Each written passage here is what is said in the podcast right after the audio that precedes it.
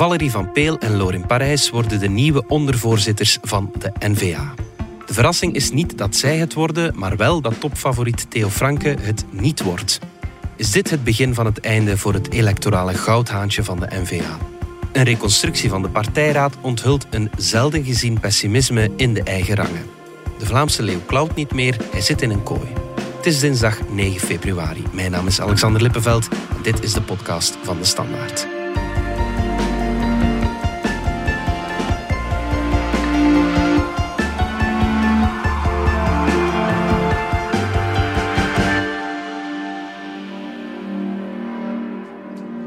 Matthias Verbergt van onze politieke redactie.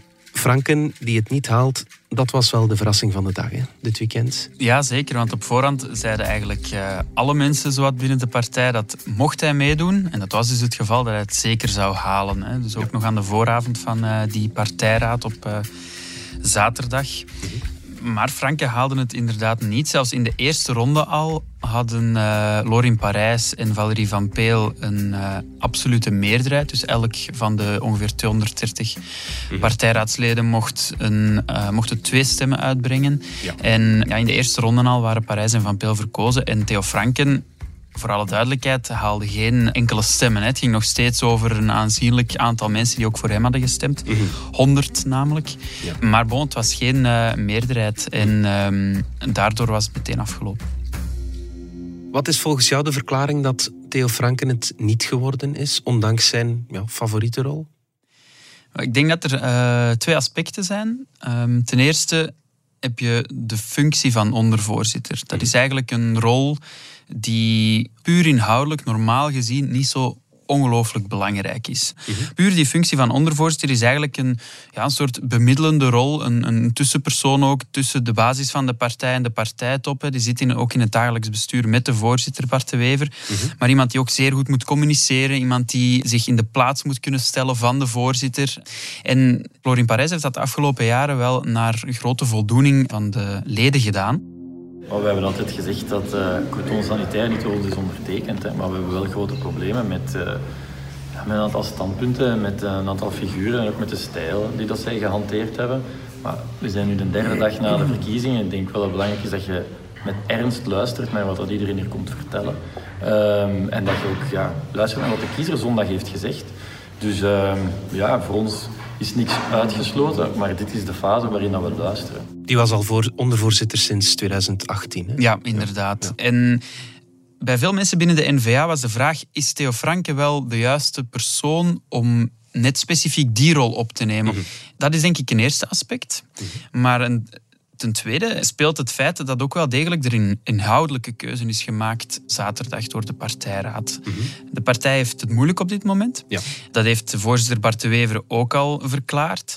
En we weten dat de verkiezing afgelopen zaterdag ook een zeer sterk inhoudelijke verkiezing was. Namelijk, welke richting moet onze partij nu uit, nu we in de piepzak zitten, zoals de Wever het, uh, het heeft gezegd. Ja. En ik denk dat ook dat een grote rol heeft gespeeld bij het wegstemmen van Theo Franken. Ja, oké. Theo Franken, dat was altijd de lieveling van de basis, het stemmenkanon. Hij zegt zelf dat hij de afdelingsbijeenkomsten en de pensenkermissen afgedwijld heeft de afgelopen jaren. Is dit ook de keuze van de basis, dat hij geen ondervoorzitter geworden is?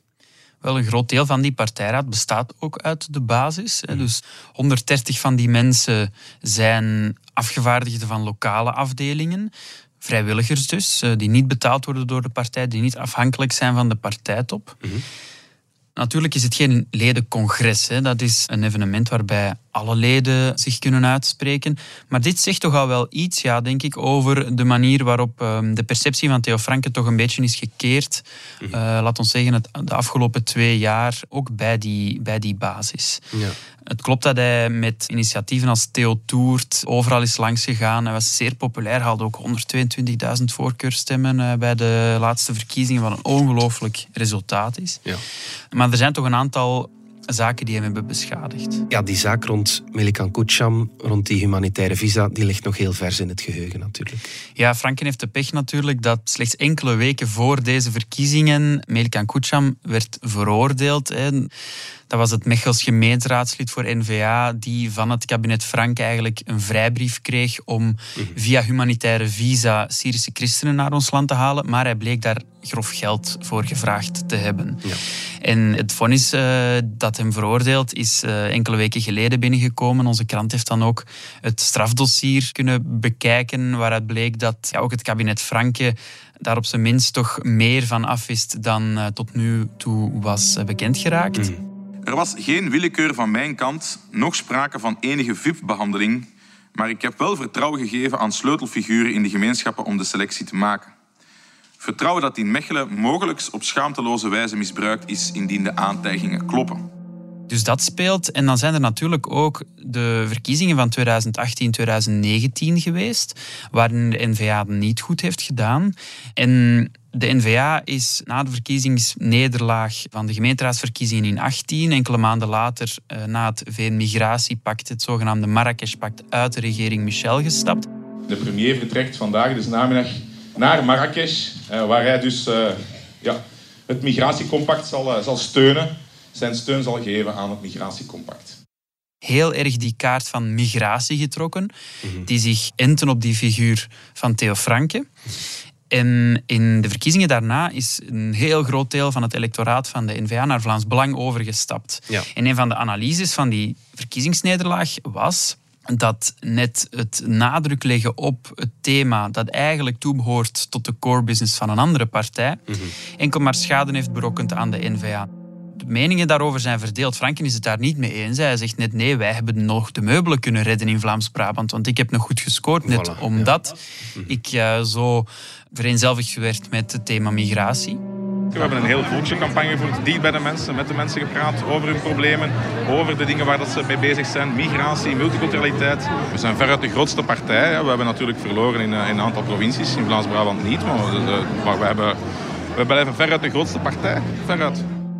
Maar goed, de partij is sindsdien wel ehm, tot een aantal inzichten gekomen. En het is wel duidelijk dat op zijn minst een groot deel van de partij, en zeker ook binnen de top van de partij, naar een verbreding wil, een, terug naar een brede volkspartij wil gaan en niet te zeer meer geassocieerd wil worden met dat zeer scherpe migratiediscours van eh, Theo Franke. Mhm.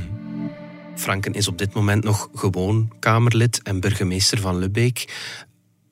Hoe nefast is dit eigenlijk voor zijn carrière? Ik denk dat hij populair blijft. Hè. En, en, een hmm. partij als N-VA heeft hem ook nodig om, om die rechterflank af te dekken. Dat zullen ze zeker niet laten gaan.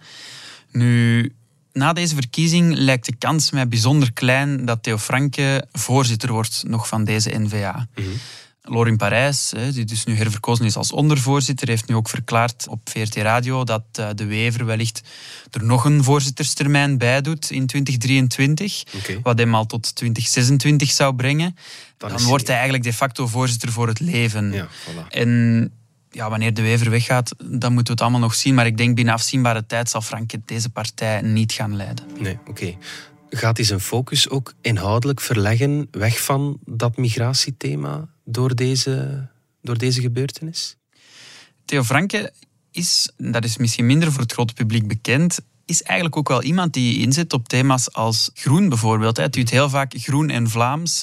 Mensen die hem kennen zeggen ook dat hij sociaal voelend is. En hij is, hij is meer een volksnationalist dan we zouden denken. Maar hij heeft natuurlijk door zijn staatssecretarischap en, en zijn eigen communicatie een imago gekregen van een echt ja, radicale uh, figuur te zijn op vlak van identiteit en migratie. Hij probeert dat al wat te verbreden, maar ik denk dat die associatie nog heel moeilijk van hem af te krijgen is. We zijn terug na de reclame. Bitcoin, het bizarre verhaal van twee pizza's. De bitcoin is een gedecentraliseerde munt. De ontstaansgeschiedenis is op zijn minst opmerkelijk te noemen en heeft te maken met twee wereldberoemd geworden pizza's. De Bitcoin Pizza Day wordt elk jaar op 22 mei gevierd, omdat precies op die dag het succesverhaal van de bitcoin begon. Wil u weten waarom? Ga dan vlug een kijkje nemen op bit4u.io, het eerste Belgische platform waarop al wie actief is rond cryptomunten ideeën kan uitwisselen. Matthias, jij kon de hand leggen op de filmpjes van de zes kandidaat-ondervoorzitters, waarin ze die partijbasis proberen te overtuigen. We krijgen klappen van zowat alle kanten. We zitten opnieuw in de loopgraven. Dicht bij de mensen staan was de kracht van de NVA. Die kracht moeten we herwinnen. Centrum rechts, ooit dat is de plek naar waar we We moeten ons aanbod opnieuw op scherp stellen op de We moeten de rangen sluiten. We zitten al een hele tijd in een We hebben een reset nodig. Dat waren een aantal citaten uit de filmpjes van de kandidaten. Die schetsen wel een opvallend beeld, hè? Ja, absoluut. Ik trek daar twee grote lessen uit. Eén, de kandidaten zijn wel redelijk pessimistisch. Met een grote heimwee naar het verleden. Uh, er wordt erg teruggegrepen naar de, de glorietijden van de, van de NVA. Ja. Wat op zich wel verdienstelijk is, vind ik. Op zich voor een partij dat men durft de confrontatie met de huidige moeilijke toestand aangaan. Er zijn een aantal traditionele partijen die nooit zo'n scherpe analyse zouden, zouden durven of willen maken. Mhm. Dus dat vind ik uh, zeker een verdienste wat uh, interne zelfreflectie betreft. Mhm. En een tweede conclusie die ik daaruit trek is dat het wel degelijk om een zeer inhoudelijke keuze ging van de partijraad. Waaruit blijkt dat pessimisme van die kandidaat-ondervoorzitters dan? Oh, bijvoorbeeld het filmpje van uh, Kathleen de Poorter. Dus, ja. uh, zij heeft het over um, dat de partij klappen krijgt van zowat alle kanten. Uh, we zitten opnieuw in de loopgraven, zegt ze. Mm -hmm. Iemand als Asita Kanko, die ook kandidaat was, ja, spreekt eigenlijk bijna het hele filmpje in de verleden tijd. Mm -hmm. Zegt, toen ik lid werd van de partij, wist ik waarom. De N-VA was een partij die nergens bang van was, was een sterke bestuurspartij met een duidelijk aanbod, die alle anderen in de schaduw stelde. Ja. dus daar klinkt een zeker heimwee uit. Absoluut, ja. En het woord heimwee wordt zelfs in de mond genomen door, uh, door Anneleen van Bossuit, die ook kandidaat was. Ze zegt, uh, ik kijk met een beetje heimwee terug naar de periode dat de phalanx echt gesloten was, verwijzend naar die fameuze phalanx, de, mm -hmm. waarin de ordentroepen van de NVA zich vaak positioneren om de partij te beschermen. Mm -hmm. En ook Valerie van Peel zegt, ik zeg uh, dat we toch al een tijd in een storm zitten. Je merkt wel dat die partij heel lang gewend is geweest aan het succes en aan het blijven groeien. Mm-hmm. Wat is gebeurd hè, tot 2014 en daarna ja, tot een, in 18 dan tot, tot een halt is gekomen. Je ziet dat de partij daar nog altijd mee, mee worstelt. Ja. Waaruit bleek die inhoudelijke keuze die dan gemaakt moest worden uit die filmpjes?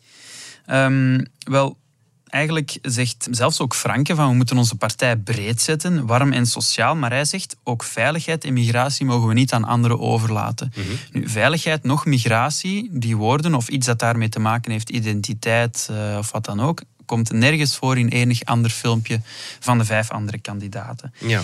Bijvoorbeeld, zegt Lorin Parijs, waar de Vlaming echt van wakker ligt, is gezondheidszorg, werkzekerheid, pensioenen en onderwijs. Mm. En wij moeten opnieuw de stem van dat fris en gezond verstand worden. Ja.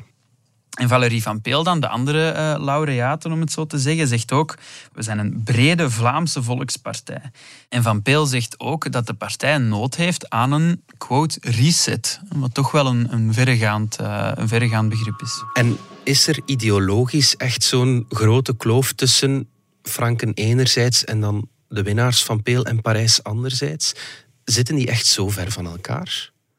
Ik denk dat dat puur inhoudelijk eigenlijk nog meevalt. Ik weet niet of Lorin Parijs of Valérie Van Peel bijvoorbeeld een heel ander beleid hadden gevoerd als staatssecretaris voor asiel en migratie. Mm -hmm. Maar twee nuanceringen daarbij. Eén, wat Lorin Parijs in zijn filmpje zegt. Hoe je iets zegt is even belangrijk als wat je zegt in de politiek. Niet toevallig, denk ik, haalt Parijs dat aan in zijn filmpje. Mm-hmm. De communicatie is alles uh, in de politiek. En Parijs en Van Peel doen dat op een opmerkelijk andere wijze dan Theo Franken. Ja, die harde taal van Franken, die... Uh wijzen zij af. Ja, minder polariserend, um, maar eigenlijk puur beleidsmatig, redelijk gelijkaardig. Ja. En ten tweede denk ik ook, ook al is die kloof puur inhoudelijk niet zo ongelooflijk groot, de kans bestaat wel dat op bepaalde momenten zelfs een kleinere kloof wel tot problemen kan leiden binnen een partij. Ik denk maar aan een moment waarop bijvoorbeeld Bart de Wever geen kandidaat-voorzitter meer zou zijn. Mm -hmm. Daar was nu ook al sprake van. Hij is herverkozen in oktober vorig jaar. Mm -hmm. Hij heeft getwijfeld of hij dat wel zou moeten doen, maar daar stonden Valerie van Peel en Theo Franke met name klaar om beide kandidaat-voorzitter te zijn. Ja. En op zo'n moment, natuurlijk riskeer je dat een partij wel meer gepolariseerd geraakt richting van een van beide figuren, ook al zit er inhoudelijk niet zoveel verschil op. Mm -hmm. Automatisch word je dan naar die polen getrokken. Mm -hmm. Gaat de NVA nu vervellen tot die brede volkspartij die ze zo graag wil zijn, weg van extreemrechts, expliciet weg van extreemrechts? Ik denk het wel, want dat is ook een keuze eigenlijk die de partij al gemaakt had. Je herinnert je misschien nog de enkele interviews die Bart de Wever heeft gegeven eind 2020 aan enkele media, waarin hij expliciet zegt: met dit Vlaams Belang kunnen we geen coalitie vormen en ehm, als we dat doen, ben ik nog liever weg. Ja. Dat was een heel duidelijk signaal dat uiteraard is doorgesproken met de ganse partijtop. Mm daar zit een inhoudelijke component aan natuurlijk. Effectief de afstand die er is tussen beide partijen, maar ook een zeer strategische component, namelijk je mag de kiezer niet zeggen dat een stem voor Vlaams Belang eventueel een nuttige stem zou zijn, want dan zouden heel veel N-VA-kiezers misschien mhm. richting Vlaams Belang gaan, in de wetenschap dat beide partijen dan toch een coalitie zouden vormen. Dus het is in het belang van de N-VA om te zeggen, nee, een stem voor Vlaams Belang is een weggegooide stem, wij zijn hier de nuttige stem. Mhm. En met de keuze voor Valérie Van Peel en Lorin Parijs bevestigt eigenlijk de partijbasis, of toch het deel daarvan dat vertegenwoordigd is in de partijraad, die keuze van de Wever en de partijtop. Laat ons even kijken naar de winnaars zelf, Valérie Van Peel en Lorin Parijs. Op het eerste zicht zijn dat twee gelijkaardige profielen, hè? klopt dat? Ja, dat waar. Eigenlijk de ene in het Vlaams parlement, Lorin Parijs, de andere in het federale parlement. Valérie Van Peel trekt eigenlijk nogal de sociale kaart wat de thema's betreft die de NVA daar bespeelt. Lorin Parijs is veel bezig met zaken als welzijn, adoptie, dat soort dingen. Ja, een aantal jaar geleden 200, 300 kinderen adopteerden per jaar met drie adoptiediensten. Dat we vandaag nog altijd drie adoptiediensten hebben, maar dat we nu in de tientallen zitten uh, en de lage tientallen uh, aantal kinderen dat we per jaar adopteren. Valérie Van Peel op haar beurt is dan weer met de socialere federale thema's uh, vaak bezig in de Kamer, waarbij ze overigens ook met andere partijen vaak coalities vormt. En hiervoor ben ik vorige legislatuur ooit eens een uur lang door heel deze zijde onder vuur genomen. En de Franstalige artsen werken minder dan de Vlaamse artsen. Ik ga u uitleggen hoe dat, dat komt. Als je te veel artsen hebt, zijn er niet genoeg patiënten. Is dus iemand die wel een veel minder radicaal profiel heeft als eh, Theo Franke. Ze hebben twee gelijkaardige profielen. Wat zijn de verschillen? Ja, het is inderdaad wel opvallend dat, dat de partij kiest voor twee figuren die op het eerste zicht inhoudelijk redelijk op dezelfde thema's hun politiek bedrijven. Mhm. Ehm, nu, het verschil is wel dat Valérie Van Peel iemand is die al van in de redelijke begindagen van de partij, ik heb het dan niet over echte splitsing van de Volksunie 2001 en zo, maar eerder het moment waarop het kartel met CD&V brak ja. en waarop de partij er plots helemaal alleen voor stond, eh, een dikke tien jaar geleden. Mhm. Toen was Van Peel er al bij. Lorin Parijs zat toen nog bij Open VLD. Ja. Is in 2013 overgestapt. En dat is toch opvallend, omdat de NVA wel een soort club is van die heel beschermend is over iedereen die er al van bij het begin bij was en die het niet zo heeft soms voor mensen die overstappen. Mm Maar Lorin Parijs is daar wel een opvallende figuur in, omdat hij toch op redelijk korte termijn blijkbaar een zeer groot vertrouwen heeft kunnen kweken bij die partijbasis. Haalde zelfs nog een stem meer dan Valérie van Peel zaterdag. Ja. En als je dan vraagt aan de mensen hoe dat komt, dan zeggen ze ja, Lorin Parijs is een uitstekende woordvoerder um, als Bart Wever niet beschikbaar is. Mhm. Bart, Wever kiest zijn mediamomenten zeer kieskeurig uit. Dus Lorin Parijs heeft zeker tijdens de formatie heel vaak die rol van woordvoerder opgenomen. Mhm. En twee, hij is ook een zeer harde werker die blijkbaar zijn dossiers zeer goed voorbereidt voor het um, dagelijks bestuur van de partij, die wekelijks eigenlijk de top van de partij die wekelijks samenzit. Mm en ook heeft een zeer goede band uitgebouwd met lokale afdelingen. Ehm, dus dat vond ik ook wel opvallend, dat hij die hoge score behaalde. Hoe dicht staan zij bij Bart de Wever? Zijn zij de, zijn Van Peel en Parijs nu de potentiële opvolgers voor de grote leider die al meer dan twintig jaar aan de macht geweest uh, zal zijn? Wel, ik denk als de Wever nog verder doet tot 2026, wat mij niet zou verbazen, dan denk ik eigenlijk dat deze verkiezing relatief weinig zegt over wie ooit de Wever zal opvolgen als voorzitter. Maar relatief weinig, niet niks. Ik denk wel dat het iets zegt bijvoorbeeld over de draagkracht van een Theo Franke binnen de partij om ooit voorzitter te worden. Mhm. Net als het misschien inderdaad iets zegt over Valerie van Peel en Lorin Parijs. Mhm. Maar of het nu een voorafname is op de opvolging, dat lijkt me, dat lijkt me overdreven. Mhm.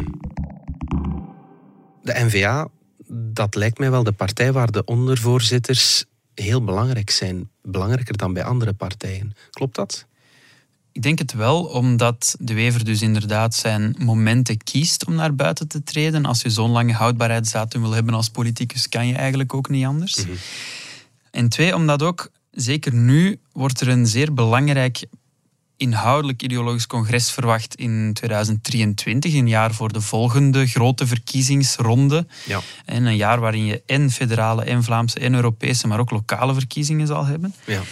En daar moet de partij ja, concreet maken wat die kandidaten nu beloofden, namelijk hè, terug naar de roots, um, het vertrouwen van toen herwinnen. Mm dat gaat daar moeten vertaald worden in wat is nu onze op punt gestelde strategie wat het communautaire betreft. Hè. Nu de PS daar ook volop mee bezig is om zich voor te bereiden. Ja.